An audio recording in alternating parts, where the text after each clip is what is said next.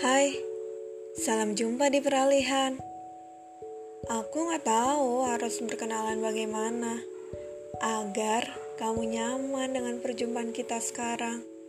Karena pada dasarnya manusia tidak akan pernah puas. Jadi, salam kenal. Panggil saja aku Sila. Sebenarnya aku ingin memulai podcast ini sudah cukup lama. Mengapa? Karena ini cara aku untuk menyampaikan keluh kesahku. Bukan, bukan karena aku gak punya teman. Banyak kok. Tapi aku hanya ingin didengar. Semoga kamu nyaman ya. Pokoknya di sini aku ingin ceritain curhatanku. Siapa tahu kamu mau lebih kenal atau bahkan kita bisa menjadi teman. Ah, sudah lama rasanya tidak mempunyai pertemanan yang luas akibat mengejar cita-cita. Maafkan aku ya teman-teman nyataku. Lain kali aku bergabung.